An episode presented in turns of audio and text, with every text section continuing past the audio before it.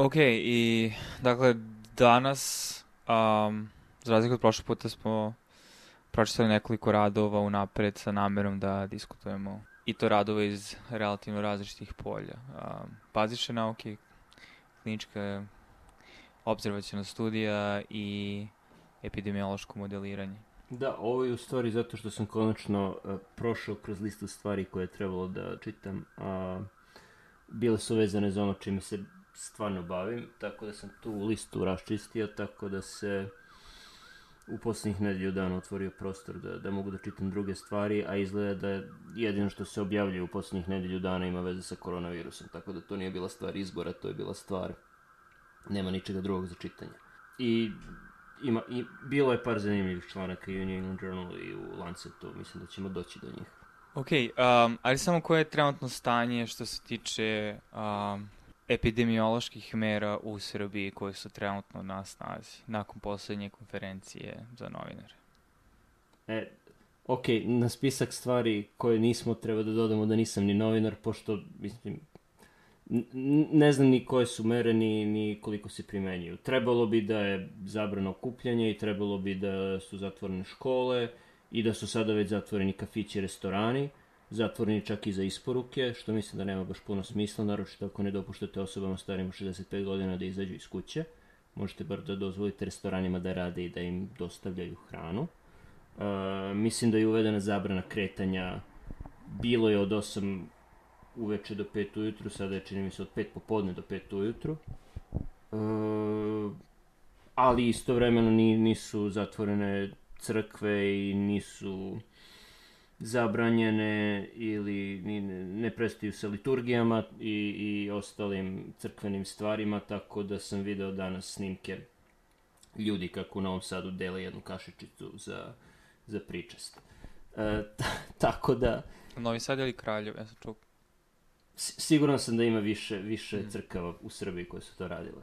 E, tako da, ono, koje su mere uvedene? Uvedene su verovatno veoma jake mere, koliko se primenjuju, ne znam, nisam tamo i trudim se da, da ne gledam vesti.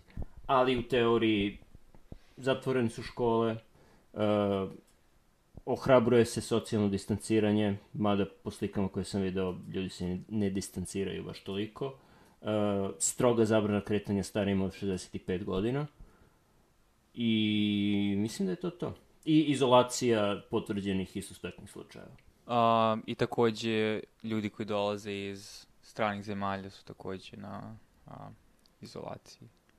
Da, koji su uspeli da dođu, jer e, su granice, koliko sam shvatio, zatvorene i za drumski i za aviosaobraćaj i nema više javnog prevoza međugradskog, nisam siguran za javni prevoz u samim gradovima.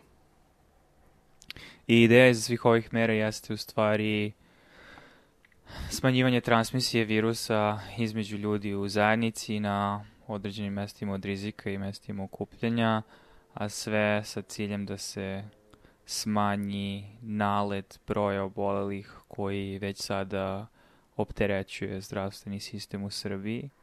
Mislim da, mislim da između zemalja kao sve, sve rade slične stvari, ali postoji jedna velika razlika u cilju stvari koje različite zemlje rade. Znači ono što se dešavalo u Kini, ono što se dešavalo u Singapuru, Hong Kongu, Tajvanu, bila je supresija virusa. Znači poenta je bila da uh, izolujete sve koji ga imaju, da ne dopustite nikakav kontakt između njih i onih koji nisu oboleli i koji nisu zaraženi i da tako smanjite broj potencijalnih žrtava pod navodnicima virusa tako da eliminišete virus iz populacije. To je, to je ideja. Međutim, ono što se sada dešava u većini zemalja nije to, nije supresija, nego je, e, kao što si ti, čini mi se, rekao, e, usporavanje virusa. Znači, E, vlade su se pomirile sa time da nisu uspele da spreče virusu da uđe u njihovu zemlju i pomirili su se time da, pošto nisu imale testove i nisu testirale na, na vreme, iako su imale testove, nisu, nisu mogle da obave supresiju i sada ima previše slučajeva, tako da izolacija potpuno nije moguća. Sada je ideja da se uspori širenje virusa, da zdravstveni sistem ne bi bio preopterećen. Tako da kada pričaju 40% stanovništva, 50, 60, 80% stanovništva će imati virus, uh, to je, to je cilj je da, da, da, ok, imaće 80%, ali neće imati svih 80% u isto vreme, nego ćemo mi usporiti širenje virusa, tako da bi naš zdravstveni sistem mogao da podnese toliku navalu. Uh, ovaj rad koji si ti spomenuo je rad koji je izdala grupa uh, iz Londona, Imperial College, koji su imali kompjuterski model pandemijskog gripa, uh, koji su promenili tako da parametri više odgovaraju koronavirusu nego pandemijskom gripu i onda su prošli kroz brojke i e, dali su neke pot potencijalne scenarije za, za širenje virusa u Americi i u Jedinom kraljevstvu i kako bi različite strategije, da li supresija, da li, da li razvlačenje krive, e, kakve bi brojke dali po pitanju broja obolelih, broja hospitalizovanih, broja ljudi na intenzivnoj nezi i broja umrlih. I mislim samo da podvučem uh, mere intervencije na koje se um, ove modeliranje odnosi jesu ne, ne farmakološke ili ne farma, farmaceutske intervencije u smislu intervencije koje se mogu dvijeti na nivou vlada um, i po znacima navoda kontrola kretanja populacije. Um, I dve osnovne strategije na koje se oni oslanju jeste prva koju ste spomenuo supresija, čiji cilj je u stvari potpuno zaustavljanje epidemijskog rasta i podrazumeva najrigorozniji um, stepen um, sprovođenja tih mera gde je R0 koji predstavlja um, reproduktivni broj, to je prosječan broj sekundarnih slučajeva nakon što se jedna osoba zarazi. Brojke sa kojima operišemo u kontekstu COVID-a, to je SARS-CoV-2 su negdje između 2 i 3, uglavnom između 2 i 2,5, 2,6, što znači da jedna osoba u prosjeku zarazi dvoje, oko dvoje ljudi. Ideja iz mera supresije je da a, se taj broj svede na manje od 1, to jest da jedna osoba u prosjeku ili ne prenosi um, um, ili prenese na jednu osobu. Um, I kratkoročno su te mere u stvari urađene u, u, u dve zemlje na neki način, a to su Kina i Koreja i um, one mogu da budu vrlo efektivne kratkoročno, ali problem je što ih je teško održavati jer podrazumevaju um, mislim, bukvalno zaustavljanje kretanja nacije, ekonomije jedne zemlje na određeni vremenski period i javlja se pitanje šta se dešava kada a, se ta populacija, mislim, kada se te mere a, reverziraju. Sledić, mislim, druga grupa mera koje pričaju su te mere usporavanja ili možda mere ublažavanja, gde cilj nije da se um, deci nije da se reproduktivni broj R0 spusti na manje od 1, ali jeste upravo to usporavanje, takozvano zaravnjivanje krive, a, to jest a, rastrećenje zdravstvenih sistema a, u vremenskom periodu gde se smanjuje broj slučajeva na dnevnom nivou.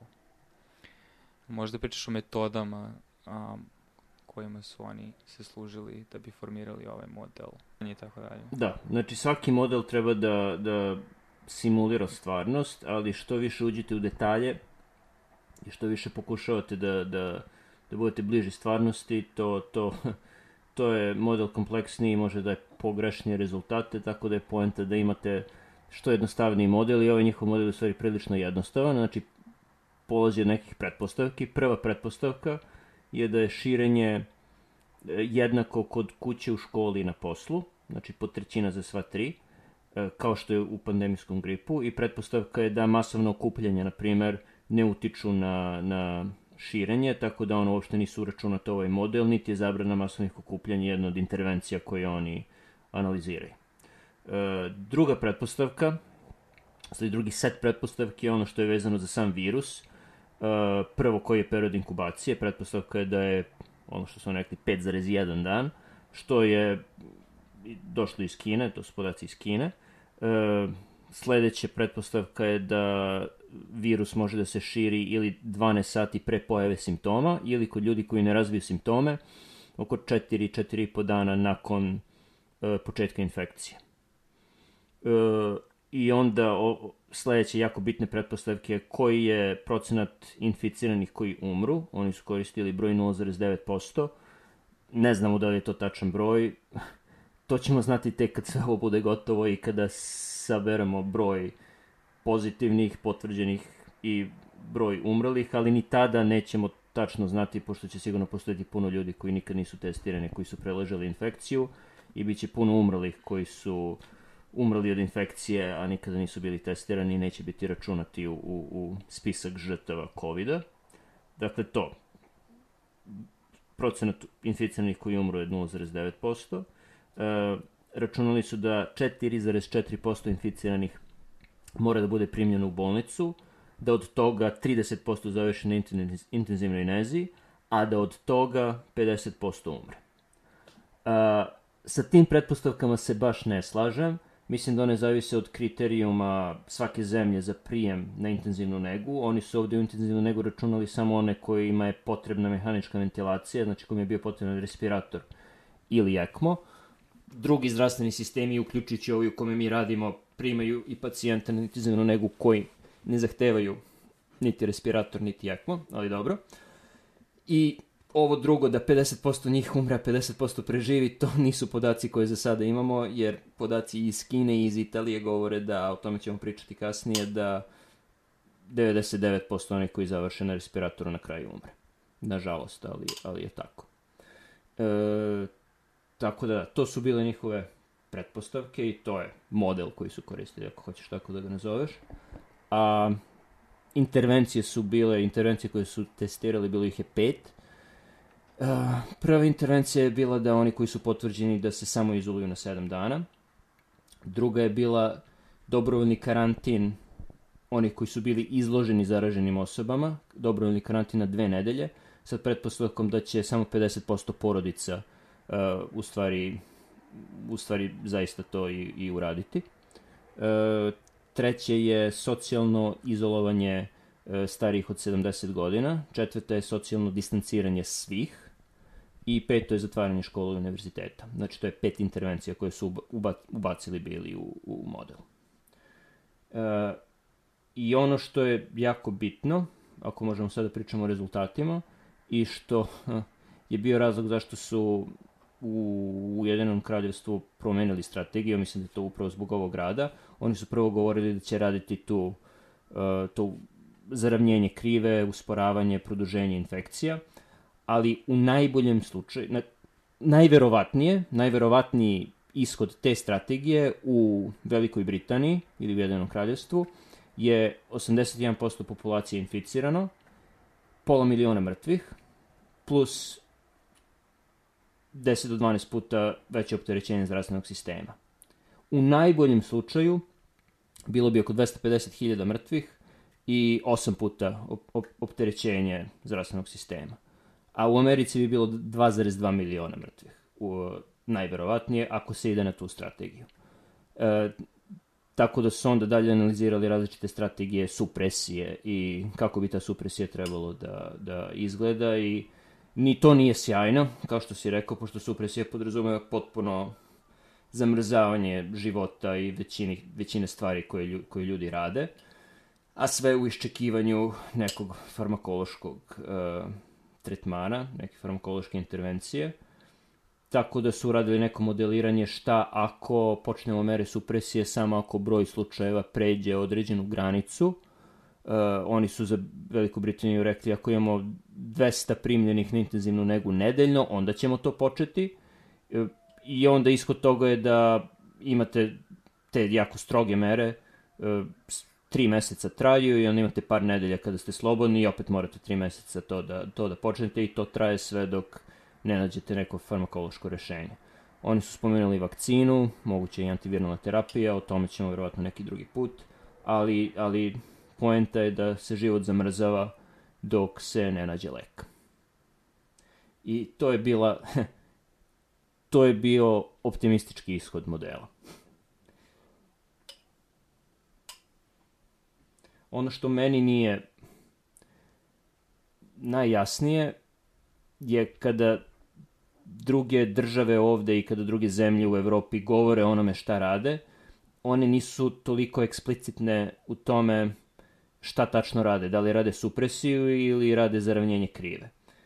Jer zaravnjenje krive je ono što daje toliko veliki broj mrtvih. A meni se čini da Cuomo u Njujorku i premijer Holandije i ako slušaš većinu drugih zvaničnika različitih zemalja, oni upravo pričaju o zaravnjenju krive kao nečemu što treba da radimo. Hashtag flatten the curve je popularno na društvenim mrežama. A zaravnjenje krive je ono što rezultuje sa 2,2 miliona mrtvih u Americi i sa pola miliona mrtvih u Velikoj Britaniji. Tako da me to zabrinjava. Mislim da oni koji, koji se zalažu za to nisu dobro pročitali ovaj rad, čini mi se, i ne znaju šta je potrebno da se spreči toliki broj mrtvih.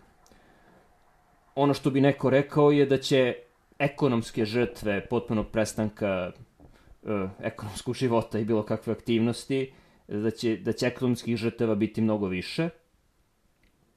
To je možda tačno, možda nije, ali taj model nisam video i taj rad nije objavljen. Znači, ti ljudi špekulišu. Uh, I dok, dok ne vidimo bolje ideje i bolje brojke, potpuno zamrzavanje svega, tipa onoga što je urađeno u Kini, je neophodno. Uh, ono što daje neku nadu je da je u Kini supresija u stvari uspela, iako gledaš podatke ostalih provincija koje nisu Hubei, tamo je nisu zabrane dignute, počeće da se dižu, vidjet ćemo, o tome smo pričali prošle nedelje, vidjet ćemo da li će ponovo početi da se aktivira sve, ali ako su granice zatvorene i imaju dovoljno testova i mogu brzo da izoluju slučajeve, pretpostavljam da će situacija biti slična Singapuru, a u Singapuru se život odmrzava polako. Ali i Evropa i Amerika su daleko, daleko od toga. Dobro, lepo si sumirao te rad, 20 strana. Um, um, ajde samo da se onda vratim na neke tačke koje si izneo. Mislim, dosta informacije si izneo i možda je um, zbunjujuće um, prolazak kroz čitavu metodologiju koja je relativno detaljna i mnogo lakše pratiti ako se um, čita nego sluša, verovatno, jer je u pitanju mnogo brojeva, ni za njih, ni za drugima, ali suština je um, da je to model kojim trenutno raspolažu i da manje više se preklapa sa onime što znamo o, o COVID-u, tako da mislim da obojca donekle barem imamo osjećaj da je relativno pouzdan i, i, i da su zaključci koji slede iz toga logični. Um, I da bilo koje mere koje nisu ekstremne mere supresije u stvari i dalje sa sobom nose veliki broj mrtvih i suštinsko pitanje um, za izvršne vlasti koje donose ove odluke u različitim zemljama um, da li su spremni da plate tu cenu, um, jer nasuprot tome najekstremnije mere a, upravo to dovode do zamrzavanja ekonomske aktivnosti i u velikoj meri u stvari zavise na pronalaženje od onda efektivnog farmakološkog tretmana, jer se oni osvrću na a, vreme neophodno da se razviju stvari vakcine u tom periodu dok sve ostalo stoji, kako bi onda u tom trenutku populacija mogla da se vrati relativno normalnim životu kada postoji intervencija koja u stvari leči ili izlečuje ovu bolest. Što je dalje jedna nepoznanica. Um, I samo ću ponovo da pocrtam da čak u merama supresije su se služili um, u principu merama razlabljivanja nakon određenog perioda, gde se onda okidač za ponovno uvođenje mera supresije jeste određen broj zauzetih kreveta intenzivne energije. Oni su konkretno gledali na model Velike Britanije u skladu sa brojem kreveta intenzivne energije koje imaju. I u stvari, na neki način ja vidim slično tome eksperiment koji se upravo sada dešava u Kini, a to je kako ljudi počinju da se vraćaju na posao, u kom trenutku bi Kina ponovo uvela striktne mere koje je imala um, nakon uh, nakon kog broja obolelih u stvari da bi, da bi ponovo sprečila dalje širenje epidemije. Uh, nakon čitanja ovog rada, ako ništa drugo, mnogo sam, mislim ću kažem pesimistični, ali ja kažem manje optimističan. Uh, po pitanju efektivnosti ovih mera i u stvari da um, ako zaista ne nađemo adekvatnu farmaceutsku intervenciju, socijalno distanciranje, od toga možemo da izvučemo you can only get so far, um, ali na kraju virus će nastaviti da se širi i pitanje je uh, da li možemo da se nosimo sa time um, u smislu um, opterećenja zdravstvenog sistema. Mi to i dalje ovde lično iskušavamo um, u Sjedinjem državama, mislim da u Srbiji to počinje, ali definitivno primjer Italije i sada već Španije um, su vrlo zabrinjavajući, tako da uh, je vrlo verovatno nešto što ćemo mi uskoro proživljavati. A dobro, ali tu je i primjer Kine, tu je i primjer uh, Wuhana i Hubei provincije gde je moglo da bude potencijalno Italija, ali nije jer su uveli na vreme mere supresije. Znači, postoje i pozitivni primjeri. Postoji primjeri da supresija funkcioniše. Teško je zemljama da, da to pokrenu i politički je teško to objasniti, naročito zato što te mere, da ne bi došlo do hiljade i hiljade mrtvih, te mere mora da počnu kada je broj umrlih jednocifren ili nekoliko desetina. A ako govorimo o zemlji koja ima desetine miliona stanovnika, stanovništvo će se možda s pravom pitati zašto radimo sve ovo kad je za sada umrlo samo njih desetak. A kada dođe do hiljade i hiljade mrtvih kao što je sad u Italiji, mnogo je teže zaustaviti taj, taj voz. Tako da, da razumem zašto je to politički problem, ali nema dileme da je neophodno. Da, i mislim, još jedna stvar, eto, koja mi se napada na pameta, koja nije uključena ovaj model, jer nije to bila ni namera, ali opet, kad pričamo o relativnom uspehu Južne Koreje u ovom trenutku, nadam se da će se složiti od nje takođe zavisan od um, obsežnosti testiranja i brzine kojom oni testiraju ljude i samim tim na vreme a, detektuju mesta na kojima je potrebno dodatno intervenisati. Ti ljudi, u stvari, ti, ne, ti moraš da testiraš jako brzo i jako široko da bi mogao da upravo sprovodiš ove mere izolacije sumnjivih slučajeva i inficiranih. Apsolutno, i ljudima je lakše da se pridržavaju svega toga ako znaju da oni imaju virus i ne bi trebalo, ta, ta, tada će ljudi sigurno da se pridržavaju toga da ne izlaze, čak i ako nemaju simptome, ako znaju da su nosioci. A ovako, opšta zabrana izlaska, i zabrana starijima od 65-70 godina da izlaze iz kuće jeste neophodna ako nemate testove, ali u idealnom svetu vi biste imali testove za svakoga. E, postoji primer grada u Italiji, gradića, seoca u Italiji, Vo, koji ima 3000 stanovnika na severu Italije. Oni su, e, čini mi se, krajem februara ili početkom marta testirali sve svoje stanovnike, što ih je bilo samo 3000, i oko 3-4% ih je bilo pozitivno. Izolovali su samo njih, ostali su normalno živeli, nisu dali nikome da uđe ili izađe iz grada, tako da dobro, sad koliko su normalno živeli tu ne znam, ne znam koliko su socijalni bili pre toga, ali su nakon dve nedelje opet testirali svakoga i samo je 0,3% ljudi bilo pozitivno. Tako da to, to uspeva, znamo primer, i zato je masovno testiranje jako bitno. Jedini razlog zašto bi neko rekao da ne testiramo svakoga je ako nema dovoljno testova. Znači, to je jedino opravdanje i to je sasvim ok opravdanje. Većina zemalja nema dovoljno testova, Amerika nema dovoljno testova, ali to morate reći ljudima i morate objasniti zašto su onda potrebne sve te drakonske mere. Zato što ne znamo ko je obolo i moramo da se ponašamo kao da su svi obolili. Pogotovo što, mislim, ovo se nije spomenulo rado, ali nekako što očekujem da će biti scenario um, u Srbiji, da nakon nekoliko nedelja uvođenja ovih mera i komunikacije kakva ona sada postoji između um, vlasti i um, stanovništva. Um, nakon nekoliko nedelja će definitivno situacija biti mnogo gore nego što je sada, jer broj slučajeva nastavlja da raste s obzirom na opet inkubaciju koja je 5 do 14 dana, a samim tim rašće i, i broj smrti i ono što mene zabrinjava barem je da ako sada ne postoji transparentnost u očekivanjima kako će ovo sve izgledati za nekoliko nedelja i da će ove mere trajati mnogo duže nego nekoliko nedelja da bi zaista bile efektivne. Mislim da će to dovesti do velike demoralizacije stanovništva koje će dve, tri nedelje od sada nakon a, manje ili više uspešnih mera izolacije videti da su stvari objektivno sve gore i gore.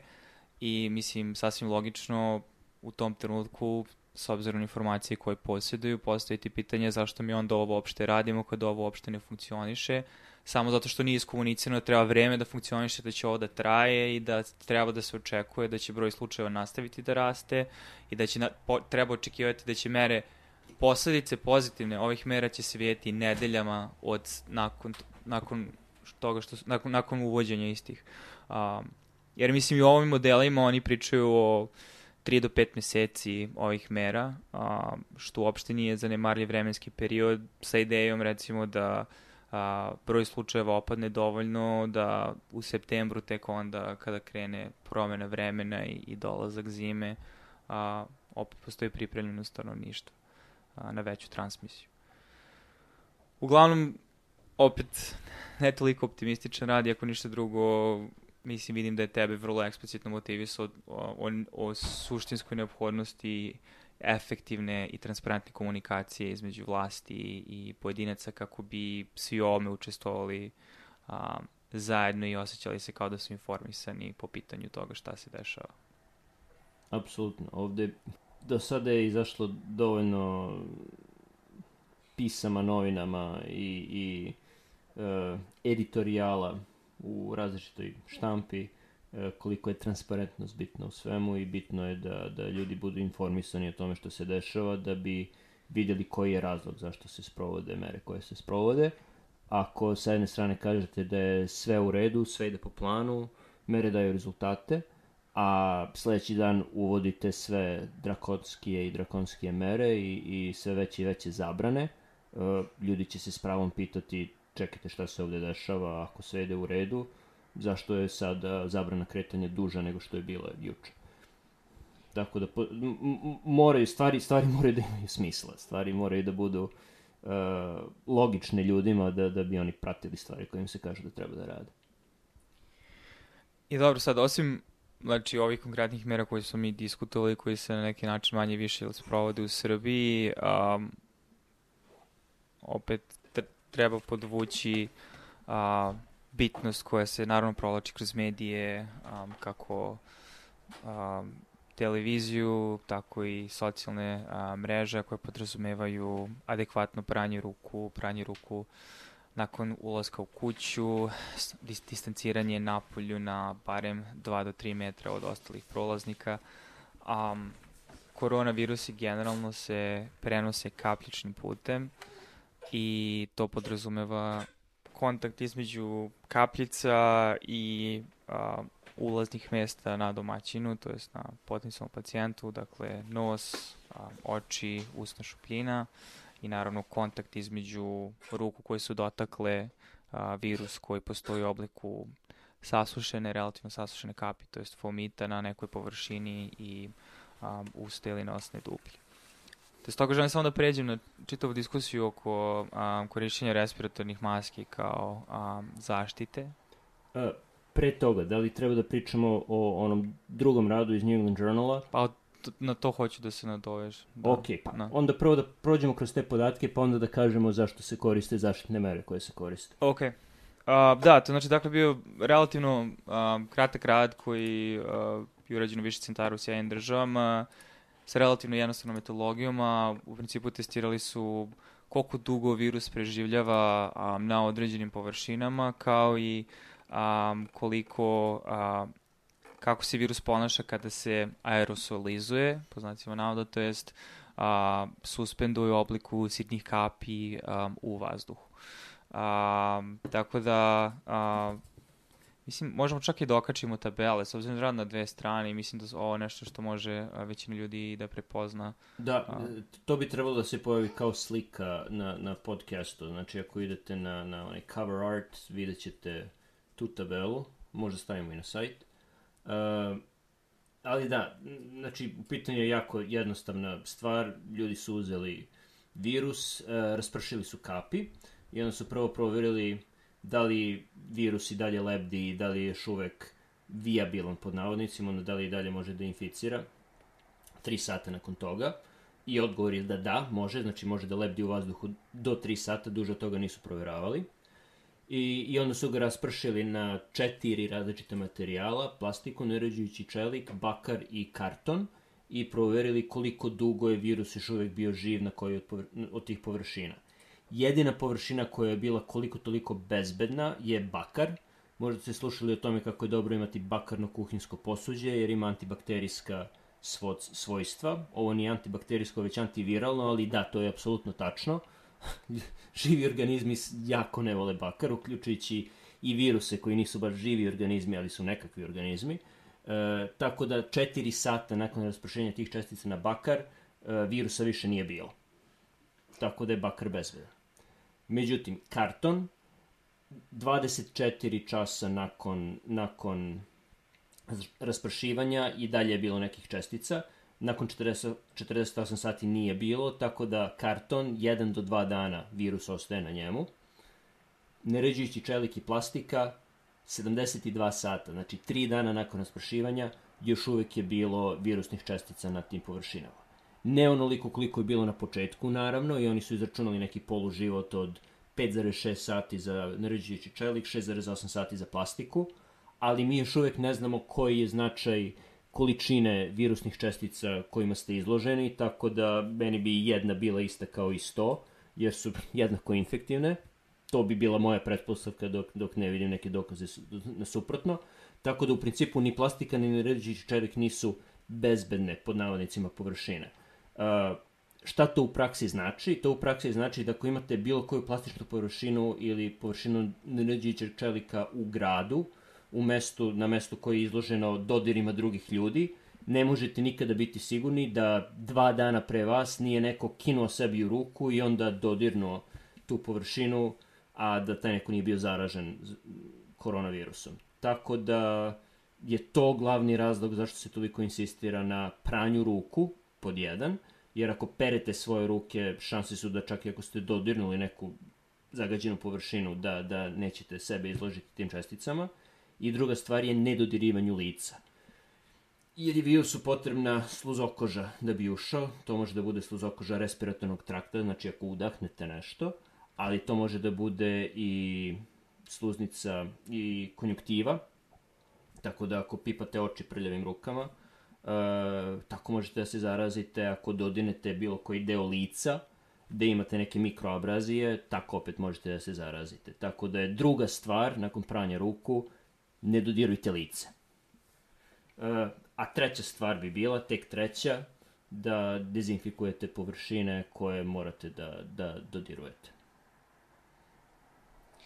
Um, I samo da se osnovim na, um, da se nastavim na ovaj deo o aerosolu, zato što se opet tiče um, primenljivosti, a podrazumeva dakle raspršivanje virusa u sitne kapi u vazduh. Um, s obzirom da virus sam po sebi ne formira takve čestice, te samim tim postaje infektivan u tom obliku samo u trenucima kada dolazi do tog raspršivanja, a to u praksi podrazumeva uglavnom a, negu samog pacijenta i to u kliničkom smislu, proceduralnom smislu, dakle tokom intubacije, to je dakle, stavljanje cevi kojim se pacijent povezuje sa respiratorom, a, bronhoskopije koja opet predstavlja diagnostičku proceduru kojom se kamerom uzimaju Uh, mislim, kamerom i sondom uh, ulazi u respiratorni trakt i uzimaju uzorci iz pluća radi dalje diagnostike.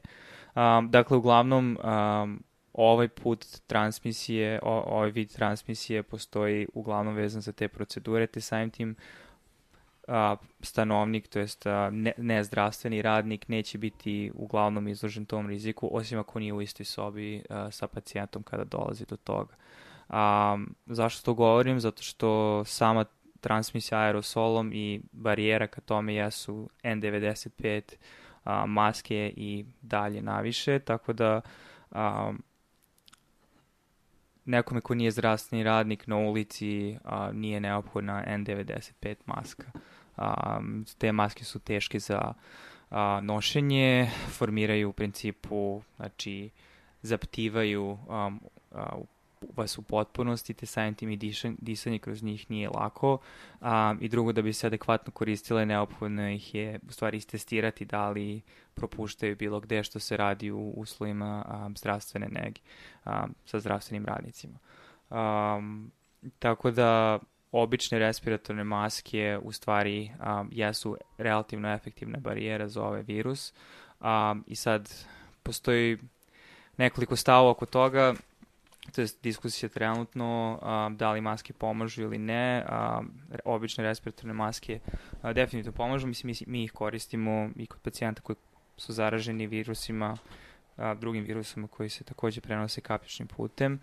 Uh, i nosimo te maske kad ulazimo u sobu, očekuje se od pacijenata da ih nosi, tako da te obične maske prvo um, osobu koja je zarazna, um, štite druge ljude od a, prenošenja sa te osobe, a, a sa druge strane smanjuju verovatnoću da će osoba koja nije zaražena da se zarazi. A, ali ono što želim da podvučem je da je opet neophodno adekvatno koristiti i nositi te maske, te tako da ako ste u, imate te maske u posledu, morate biti svesni da dok ih nosite, one moraju potpuno se da prekrivaju i vaš nos i vaša usta, dakle maska te um, nos otkriven definitivno nije efektivna. Takođe, u samom procesu skidanja maske može doći do um, prenošenja čestica, tako treba biti oprezan u tim trenucima i u svakom slučaju masku koja je jednom korišćena, a, a pogotovo u, u uslovima gde se smatra da postoji rizik, znači otišli ste na neki javni skup ili javno mesto ili ste morali da budete među ljudima u banci ili šta god, tu, ma, tu, tu masku bi trebalo a, baciti. Um, I opet, pranje ruku je bitno, ali ono što ta maska takođe postiže je um, u principu takođe jedna barijera koja sprečava da rukama dodirujete lice. A, maske su definitivno u deficitu sada u svetu, pa uključujući u Srbiji, te tako a, neophodnije su zdravstvenim radnicima nego prosečnom stanovništvu, a, to jest ne zdravstvenim radnicima, ali a, jesu efektivne, pogotovo onim trenucima kada postoji transmisija u zajednici i kada se očekuje da a, je rizik od prenošenja relativno veliki, što mislim da je u Srbiji a, taj nivo a, već dostignut. A, nismo čitali konkretno taj rad, ali skoro isto je bilo publikovano um, efektivnost drugih barijera koje ne podrazumevaju znači filter respiratorne maske, već majicu i tako dalje, tako dalje, što ljudi počeli da šiju svoje maske, naravno bolje išta nego ništa, um, a opet bilo šta što vas sprečava da rukama dodirujete lice, takođe um, povećava efektivnost tih mera. Da, sve to uh, pod uslovom da vi niste zaraženi koronavirusom. Maske su apsolutno neophodne ako jeste zaraženi, a izlazite napolje, što ne bi trebalo da radite. Ali pretpostavlja se da je čak 40% ljudi asimptomatski, da su asimptomatski nosioci virusa, tako da možda imate virus u svojim izlučevinama, a i ne znate. E, u toj situaciji neophodno imati masku da ne biste širili dalje. Znači, disanjem ne toliko, ali kijanjem, kašljanjem, Ako imate masku na licu, razdaljina koju vaše kapljice pređu je mnogo manja, e, površina koju zagađujete svojim izlučevinama je mnogo manja. Znači, to je jako bitan razlog zašto, zašto, zašto treba nositi i postoji jedan mm, rad koji čini mi se da je bio u Lancetu, ne, u Science-u, da, da opet kompjuterskim modeliranjem ustanovili su kineski epidemiolozi da je oko 40% uh, prenosioca, da je oko 40% infekcija, uh, da je do 40% infekcija došlo zbog asimptomatskih uh, prenosioca. Tako da je to još jedan razlog da što je jako bitno da svi nose maske. Ako čujete ono, maske se treba, trebamo čuvati maske za zdravstvene radnike, da, naravno, ali to je zato što ih nema dovoljno. Da ih ima dovoljno, bilo gde, ako, ako je neko u javnom prostoru, trebalo bi da postoji univerzalno pravilo u celom svetu, treba da usvojimo ono što u Aziji rade već od već 10-15 godina, od, bar od SARS-a, ako ne i pre toga, treba nositi maske.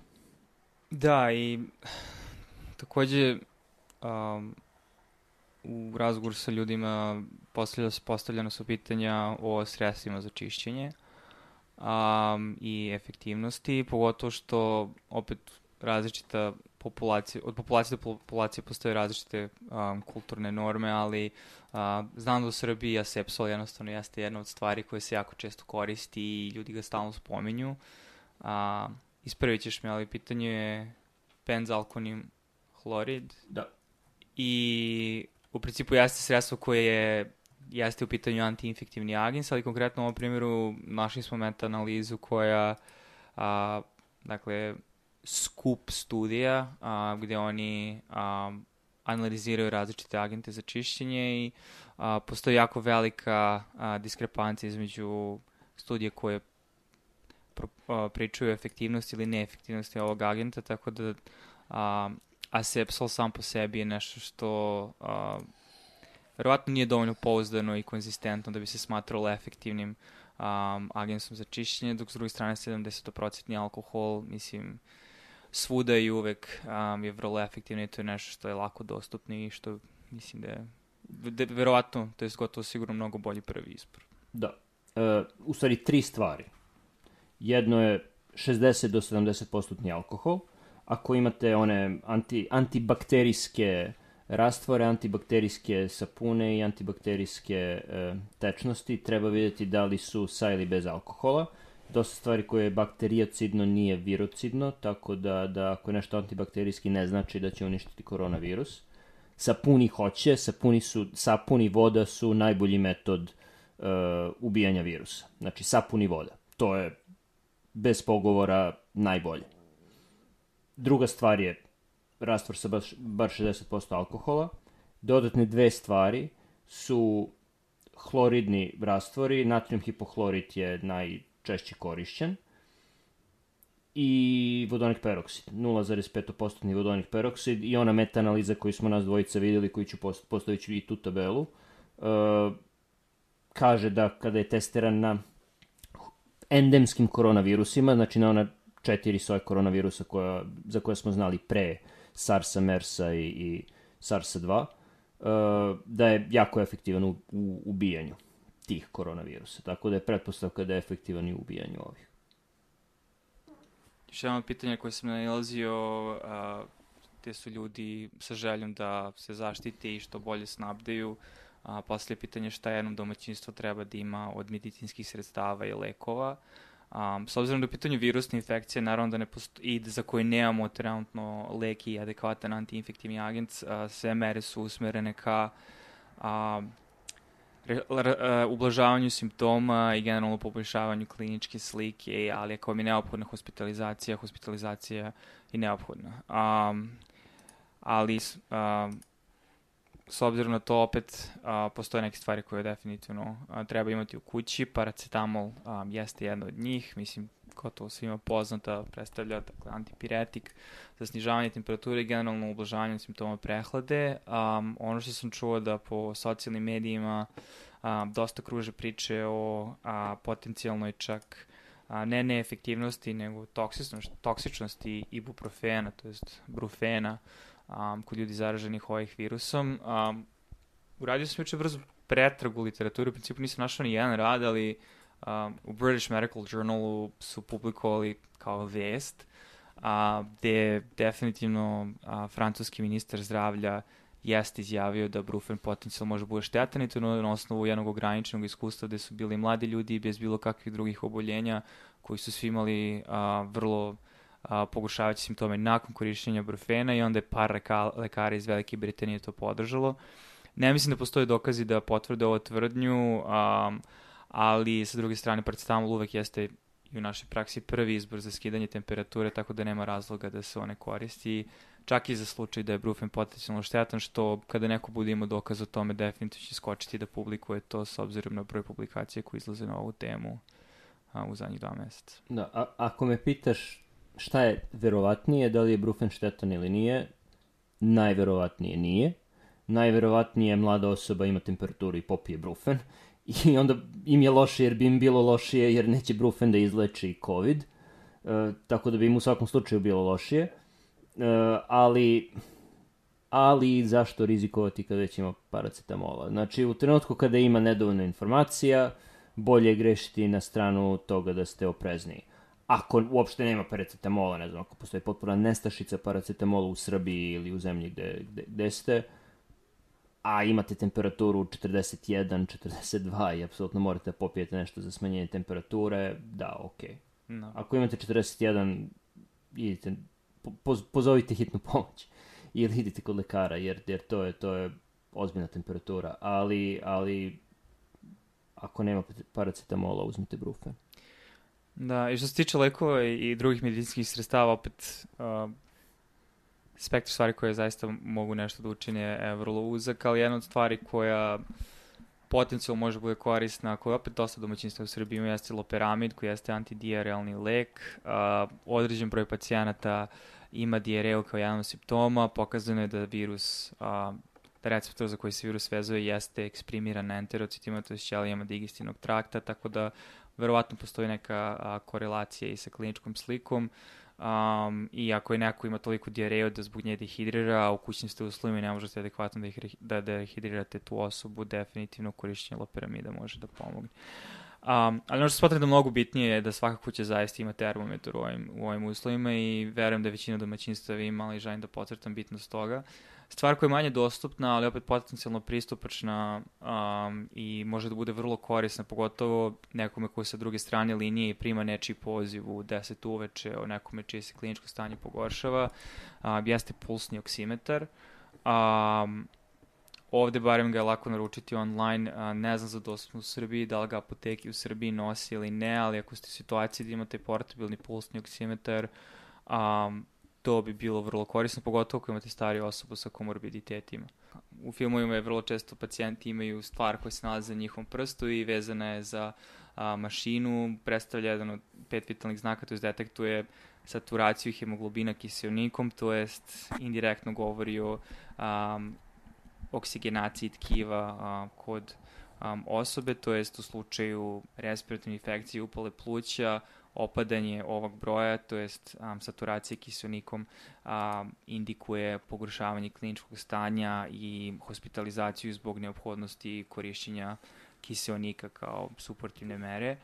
I a, u principu normalan je preko 90, kod mlade zdrave osobe očekuje se da bude preko 95%, ali u slučaju da imate nekoga recimo ko je pozitivan sa temperaturom i određenim situacijama tipa kašelj i problemi s disanjem, ali poslat kući na izolaciju a, zato što nije indikovano bolničko lečenje, imati ovo kako se stanje pogorša i ako vi nazovete nekog i kažete trenutno je broj 88 ili 87, to je definitivno nešto što indikuje bolničko lečenje.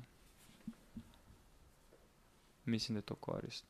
Da. I onda završiš u bolnici i šta se onda desi? On ti daje kiselnik. Da, ali ne, mislio sam, to je bio, bio prelaz na onaj treći rad.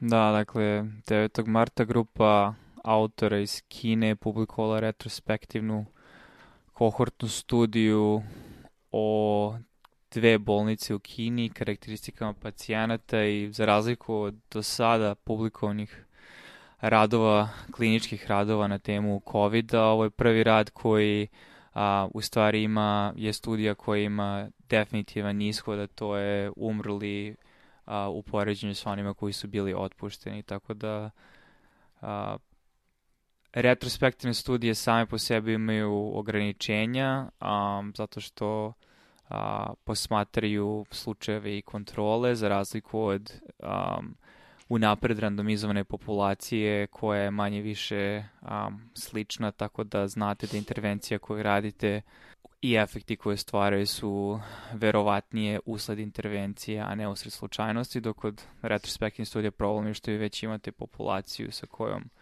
operišete, tako da um, ne postoji randomizacije. Da li želiš da pojednostaviš, pokušavam da pojednostavim. Mane retrospektivnih studija u principu su znači, confounding faktori koji Pa da, ali koje ne to... možeš da isključiš zato što nisi unapred randomizovao populaciju. Da, i to su retrospektivne studije gde pokušavaš da vidiš efekte neke intervencije. Ovde nije u pitanju intervencija, ovo je čisto observacijona studija gde opisuješ kliničku sliku, tako da mislim da bo, bolje od ovoga ne može. Ovde nema, ne, ne da. postoji randomi, randomizacija, ovde se ne da testiraju nekakvi tretmani, da. gledaju samo prirodni tokovi bolesti. Da. Pošto su svi pacijenti tretirani u dve bolnice, može se očekivati da je tretman koji su ti pacijenti imali, terapija koju su dobili otprilike ujednačena, naročito, naročito što to nije period od 10 godina gde možda dolazi do napretka u terapijama. U toku vremena već je ovo period od mesec, dva. Da, problem je samo što i dalje ima hospitalizovanih pacijenata u tim bolnicama u trenutku, tako da... Teo... Koje su oni isključili, da. da. su oni isključili. Znači imali su... Uh, koliko su imali, imali su 813 hospitalizovanih pacijenata, ali 613 od njih uh, je još uvijek bilo u bolnici, tako da niti su otpušteni, niti su umrli.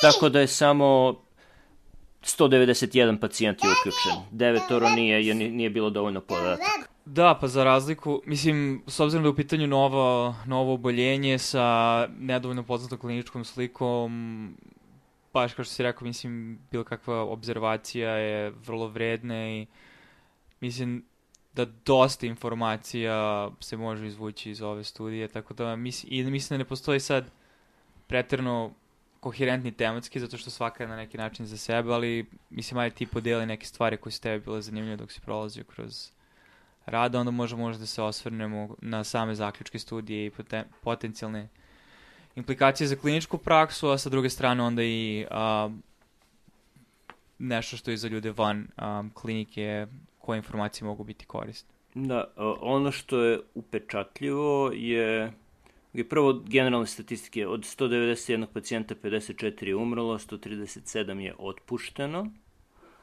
Uh, ono što je karakteristično je da od 32 koji su bili intubirani i bili na mehaničkoj ventilaciji, 31 je umro. Tako da, uh, bez sumnje, ako je neko od njih bio na ventilaciji, ishod je skoro sasvim sigurno bio smrtni.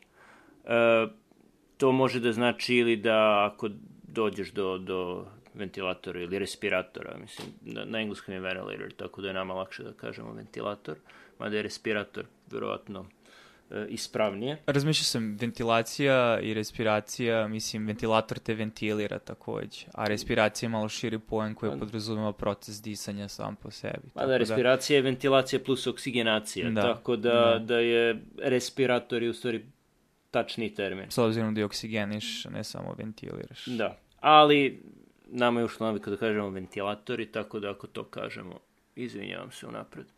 Uh, ali to može značiti ili ok, kad je došlo do toga spasa nema, a često može značiti da su uh, štedeli na respiratorima, odnosno da je neko mora da bude baš bolestan, tako da, da nisu nije na vreme početa mehanička. Pa ono što, mo, što mislim da svedoči tome jeste da 7% preživjelih je imalo diagnozu ARDS-a, što znači da ti ljudi nisu bili intubirani, ali su imali diagnozu ARDS. Opet, zavisi ko je njihov kriterijum, ali rekli su se služili berlinskim kriterijuma za diagnozu, tako da podrazumem da su standardizovani kriterijumi, što znači da ili nisu imali dovoljno ventilatora ili su jednostavno čekali predugo pre nego što neko nije zaista ozbiljno bolestan pre nego što su intubirali. Čini mi se da praksa osjećanja država je i opet varira od individue do individue, ali je dosta su ljudi spremni da intubiraju nekog pa da ga intubiraju, ekstubiraju posle 24 ili, ili 48 sati samo privremeno kada počinje da pada količina kiselnika. Da, o, no. ovde su za sada intenzivisti mnogo, mnogo slobodni po pitanju intubacije. Da. Dakle, to, to je jedna stvar. Samo pojasni šta je ARDS. A, ARDS je akutni respiratorni distres sindrom. To je kada se pluća pune vodom, a nije uzrok e, slabo srce. Da, da potpuno laički prenesem. Znači, na, na rengenu i na CT-u su e, se vide senke koje znači da, da u plućima, ne oko pluća, nego u plućima ima tečnosti. To je obično mešavina vode i proteina. I zapaljenskih ćelija. I zapaljenskih ćelija, da. A e, kada se to vidi, generalno najčešći uzrok toga je srčana insuficijencija, odnosno srce previše slabo, ne može da ispumpa krv u sistemsku cirkulaciju, tako da dolazi do zadržavanja krvi u plućima i transudacije, odnosno prelivanje te krvi iz uh, krvotoka, iz plućnog krvotoka u plućni parenhim, odnosno u plućno tkivo. Uh, u ARDS-u ili ARDS-u uh, uzrok tog nakupljanja tečnosti proteina zapaljenskih ćelija nije slabo srce, nego nešto drugo. A to nešto drugo je zapaljenje, a uzrok tog zapaljenja može biti infekcija, a, ali može biti neki bilo koji drugi stres po organizam. Znači često u saobraćene nesreće, predoziranje opijatima i malo aspiracije želudačnog sadržaja može to da izazove neki put čak i pankreatitis, znači zapaljenje pankreasa izaziva takvu sistemsku inflamaciju, sistemsku zapaljenje u telu da može doći do ARDS-a. I to je a, teško stanje za koje nema direktnog leka. A, obično može osoba samo da se podrži dodatnim kiselnikom i drugim stvarima a, i da se na nekako nekako da se reši uzročnik ARDS-a, ali često čak i ako se uzročnik razreši, uh, iz nekog razloga ARDS je uh, stanje koje samo sebe održava, tako da neki ljudi prežive, neki ne prežive i ne znamo zašto neki prežive, neki ne prežive. Da, mislim, i samo ime sindrom govori o tome da mi ne znamo dovoljno o tome. Znači, opisujemo ga na osnovu kliničke slike koje vidimo, to je bukvalno, kao što si ti podvukao, isključiš a, srčanu insuficijenciju, a imaš bilateralne, to je obostrane senke na plućima, a samo da podcrtam da suštinski problem je da zbog te količine tečnosti zapaljenskih ćelija sam proces razmene kiselnika između alveole, osnovne jedinice pluća, znači one sunđerastog mrežastog tkiva, um, je sam proces oksigenacije, to je prolaska kiselnika odatle u krvotok je um, otežan zbog postojanja tog um, zapaljenskog vodenastog um, infiltrata. Da. I imamo, znači, druga upečatljiva stvar u ovom radu je uh, vremenski sled dešavanja kod pacijenata koji su završili u bolnici. Znači, oni su pitanju svi pacijenti, nego samo oni koji su bili dovoljno oboleli da moraju da, da budu u bolnici, obično zato što im treba dodatni kiseonik.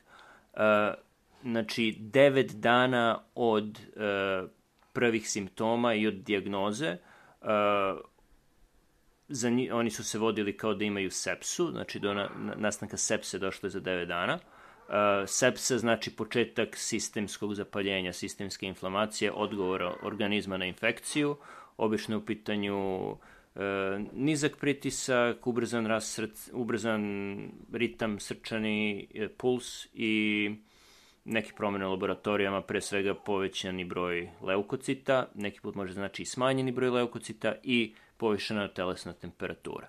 Znači, do sepse je trebalo 9 dana, 3 dana nakon toga dolazi do ARDS-a, znači za 20 dana dolazi ARDS, onda kod osoba koje su otpuštene iz bolnice, znači koje su preživele, Uh, ne, ne, nema ništa nakon toga. Znači, one mogu da dobiju ARDS, znači neki put ljudi sa ARDS-om prežive, ali ne, ne, stanje njihovo se ne pogoršava dodatno. Kod skoro svih onih koji su umrli, tri dana nakon nastanka ARDS-a dolazi do oštećenja srca i oštećenja bubrega, a dva dana nakon toga, znači 17 dana od dijagnoze, dolazi do sekundarnih infekcija. Znači, ako mogu samo da podsjetam ovaj kurs, znači, nakon inicijalne temperature i sim, drugih simptoma koji su već poznati, gubitak daha, kašalj, nakon 9 dana dolazi do sistemskog zapaljenskog odgovora u vidu sepse, nekoliko dana kasnije plućni zapaljenski odgovor ARDS, nekoliko dana kasnije oštećenje srca i otprilike u tom trenutku oštećenje i drugih organa, uključujući najčešće bubreg, što, barem u ovom ovde u ovoj studiji pokazano da svi pacijenti koji su umrli su imali oštećenje bubrega, a svi preživeli nisu ili je jako mali broj, možda jedna osoba koja je preživela, tako da je to isto opet možda samo selekcija pacijenata i, i mislim, jedna od prvih studija, ali ispostavlja se da kada već dođe do oštećenja sistemskog organa, da je bolest toliko uznapredovala da je velika šansa da će ta, da ta osoba neće preživeti. Da. Uh, znači, to je otprilike vremenski tok i čini se da pacijenti koji imaju temperaturu, imaju opšte simptome i razviju probleme sa disanjem. Neki od njih prežive, neki od njih umru. Oni koji krenu da razvijaju druge probleme, pre svega oštećenje srca i oštećenje bubrega, to, to je znak da ta osoba neće preživeti. Bar je tako bilo u ovih 200 pacijenata koji su, koji su opisani u ovoj studiji. Da. I čak 50% a, preminulih je razvilo sekundarnu infekciju, Um, od toga, mislim, pneumonija vezana za sam respirator, to je ventilator, oko 30% ljudi, što znači da i pored tog zapaljenskog odgovora samog virusa, ljudi, imunni sistem toliko propati po znacima navoda da je rizik od uh, sekundarnih infekcija uh, prilično visok, tako da većina ovih pacijenta završi na antibioticima. E, kad se ovako nešto desi, uvijek je pitanje zašto neko razvije te, težu bolest, a neko ne razvije. Odgovor na to pitanje nemamo, ova studija ga definitivno ne daje, a mislim da ni, ništa do sada što je objavljeno ne daje tačan odgovor na to pitanje. Postoji nekoliko pretpostavki, video sam da kruži nekoliko pretpostavki o tome uh, i u radovima i na društvenim mrežama i među kolegama. Uh, jedno je to da li ako ste izloženi većoj količini virusa, imate više virusa u sebi i zato imate žešću reakciju, znači moguće je. Drugo, da li su vaše ćelije podložnije virusu, u smislu da virusu treba taj receptor, ACE2 receptor, znamo da postoji polimorfizam, odnosno da različite osobe imaju različiti, nije, nije potpuno identičan kod svih, da li postoje neke varijante koje su podložnije infekciji virusom, možda, da li je imunni odgovor nekih ljudi jači, zato što je urođeno tako, nasledili su takav imunni odgovor, imunni sistem da, da žešće reaguje na ove viruse od drugih, možda. Da li je imunni odgovor žešći ne zato što je nasleđeno, nego zato što ste u prošlosti bili izloženi nekom sličnom koronavirusu i stvorili već postojeća antitela i citotoksične T ćelije, tako da će one brže i jače odgovoriti na nešto što je slično. Možda, znači ima tu puno možda, možda, možda, a mi čak ne znamo ni da li je to oštećenje srca i oštećenje bubrega, da li je to posledica zapaljenskog odgovora, što se meni čini da je sad verovatnije, ili je to posledica direktnog ulaska virusa u te organe. Da, mislim, ono što bi govorilo u prilog tome da jeste direktna posledica virusa je što uh, isti taj ACE2 receptor koji inače u ljudskom organizmu je, mislim, angiotenzin konvertujući enzim, znači jedan enzim koji je bitan u, u kaskadi um, održavanja generalnog kardiovaskularnog statusa između ostalih sistema i jedan od um, jedan od bitnijih. Um, tako da virus kada uđe u ćeliju u samim plućima kroz taj receptor, dakle onaj spike protein koji je ranije spominjen, uh, virus zajedno ulazi sa tim receptorom, samim tim je smanjeno prisustvo tog receptora u plućima i samim tim funkcija koju u tom trenutku ima, mislim, postoji više radova, našto su neke bazične radove, gde, mislim, onda sad zalazimo baš dosta u, u, u bazičnu nauku, ali sam angiotenzin ima različitu dužinu polipeptidnih lanaca, ima više, ima postoji ACE1, čim postoji ACE2, postoji ACE1. Um, ACE2 dalje seče taj lanac, a, te stoga dovodi do postojanja kraćeg angiotenzina,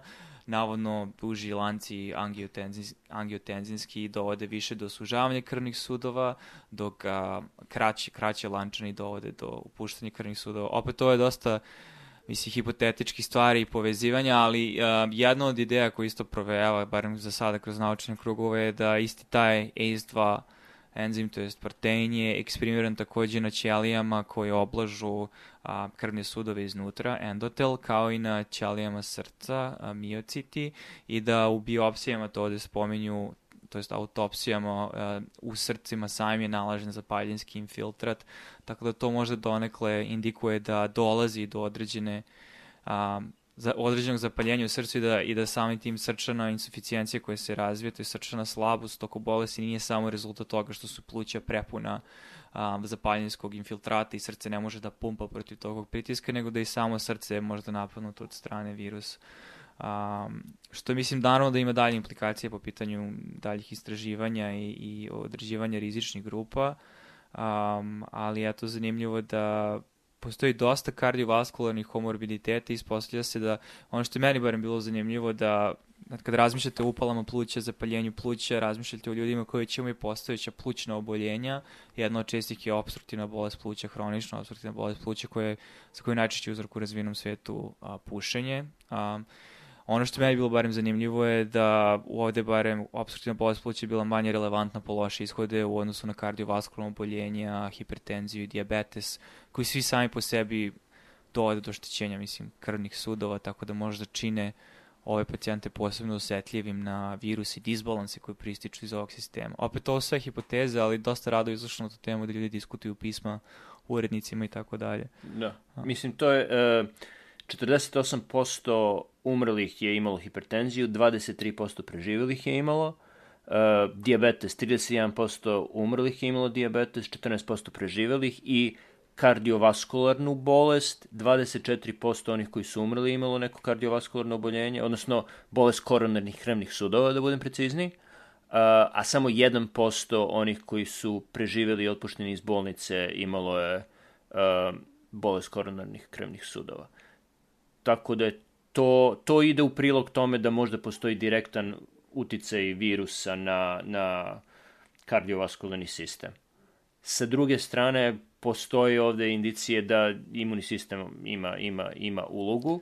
Uh, najupečetljivija stvar to je nizak broj limfocita da, u krvi. Da, da. da.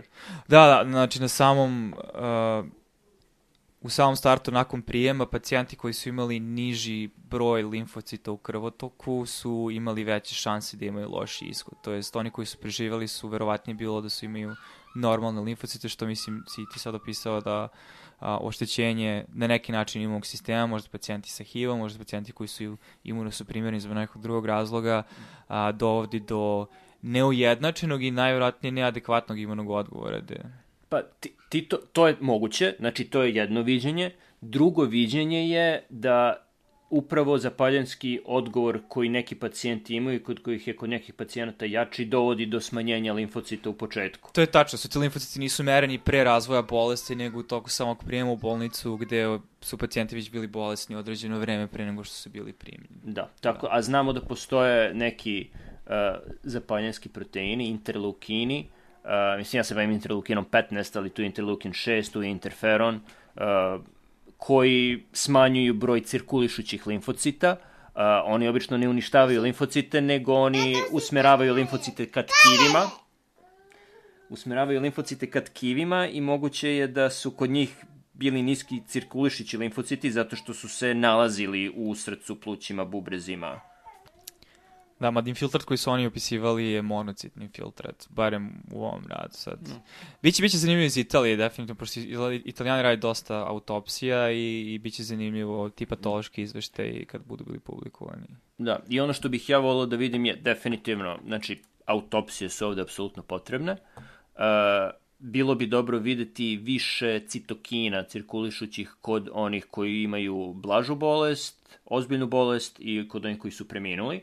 Ovde imamo samo rezultate za interleukin 6, jer interleukin 6 je najozloglašeniji interleukin. I imamo povezan... antitelo koje ga neutrališ. Tako. Da, tako da ako imate čekić, tražite taj ekser, ta, a i ovi pacijenti jesu imali povišen interleukin 6 i lek koji je antitelo za interleukin 6 receptor je toci, ne, i on, on je tocilizuma, ali on je interleukin 6 receptor, nije, nije antitelo interleukin 6 stalno zaboravljam. Morat ću. Uh, uglavnom, ili je na interleukin 6 ili na receptor, antitelo, koje se ovde koristi u terapiji uh, nečega što se zove CRS, Cytokine Release Syndrome, znači sindrom oslobađanja previše citokina, najčešće se dešava kod imunoterapije raka.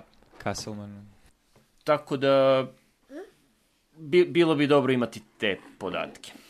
Da, i mislim samo da se vratim na sam zaključak radi, ono, srž čitavog rada, koji su to faktori rizika koji su definitivno bili najviše povezani u njihovoj statističkoj analizi sa a, smrtnim ishodom, a, znači poređenje smrtnog ishoda i otpusta. Starije doba, što je već bilo poznato, već znamo da populacija starih pacijenata a, ima a, ozbiljniju kliničku sliku, pretpostavke su zbog ili a, neadekvatnosti imunog odgovora ili niže ekspresije ACE2 receptora u plućima starih ljudi i da zbog toga navodno internalizacijom tih receptora ranije a, dolazi do ranijeg i većeg poremećaja u a, ravnoteži a, sistema koji ovaj, u kojoj ovaj enzim učestvuje. A, SOFA rezultat, koji je, mislim, klinički rezultat koji svedoči o oštećenju organa i nešto čega smo se dotakli, a to je a, znači oštećenje bubrega, oštećenje srca, znači kad počinju da se javljaju te laboratorijske vrednosti, um, izvesno je da pacijent je pod većim rizikom od umiranja, što mislim je očekivano u kliničkoj praksi, bolesni ljudi imaju veće šanse da će umreti. Um, takođe je bilo zanimljivo D-dimer, koji sam po sebi jeste zapaljenski faktor, uh, u smislu da može se povećati u, u situacijama gde postoji zapaljenje i najčešće indikuje da dolazi do poremećaja u kaskadi, iskučavanja krvi u koglicama u kaskadi. Um, o, u ovoj situaciji, ono što je meni barem bilo zanimljivo je koliki je u stvari taj uh, odnos verovatnoća od 18. Što znači da čak i ljudi koji imaju uh, su hospitalizovani zbog upale pluća, ako imaju blaži klinički tok D-dimer, kod njih nije toliko povišen koliko je, a jako je lako vidjeti povećan D-dimer, barem u populaciji koju mi vidimo u, u kliničkoj praksi, jer ljudi imaju dosta komorbiditeta i, i puše i imaju možda neke neotkrivene a, krvne ugruške. Um, ali ovde je očigledno pokazano da D-dimer veći od 1 um, je povezan sa lošim ishodima i mislim barem što se tiče svih ovih ostalih fancy laboratorija, interlukina 6 i tako dalje, mislim, mnogi zdravstveni sistemi nemaju a, eseje za to, nemaju testove, um, ali mislim da D-dimeri u Srbiji je a, lako proverljiv um, i deo relativno standardijeg panela. Um, u principu to su bili faktori koji su bili najviše povećani sa smrtnošću. Da, i poslednja stvar koju imam da kažem u vezi ovog rada i poslednja stvar koja je meni bila upečatljiva je upravo kada pričamo o populaciji koju e, mi vidimo u praksi, mislim obojice smo ili već onkolozi ili ćemo uskoro postati, ovde je bio jedan jedini pacijent sa rakom da. od svih pacijenata sa kupermitetom, što me da li su oni duže bolesni, pa su oni jedni od onih 400 pacijenata koji, ili 600 pacijenata koji nisu, nisu opisani u ovoj studiji ili jednostavno takve pacijente nisu ni primali u bolnicu uh, i da li su već tada u Kini radili ono što sada znamo da rade u Italiji, a to je da rade trijažu pacijenata i ako pacijent ima COVID i neki teški komorbitet ili neizlečivu bolest, oni jednostavno do bolnice i ne dođu. Ovde nisu to komentarisali, niti mi možemo to sad da znamo, ali jeste zanimljivo da je jedan jedini pacijent sa rakom opisan i on je u stvari jedan među, onim, među onima koji su preživeli, koji je otpušten iz bolnice. Znači, ovaj rad sam po sebi ima dosta mislim, kliničku značajnost, uh, znači za ljude koji će uh, se baviti lečenjem ovih pacijenata u danima i nedeljama koje predstoje. Um, ono što neko ko nije zdravstveni radnik na neki način može iz ovoga da izvuče je manje više već poznato da, to da je starijim ljudima stari ljudi imaju veće šanse da obole i da ozbiljno obole i samim tim a, mere socijalnog distansiranja i izolacije su toliko važnije u ovoj ranjivoj populaciji.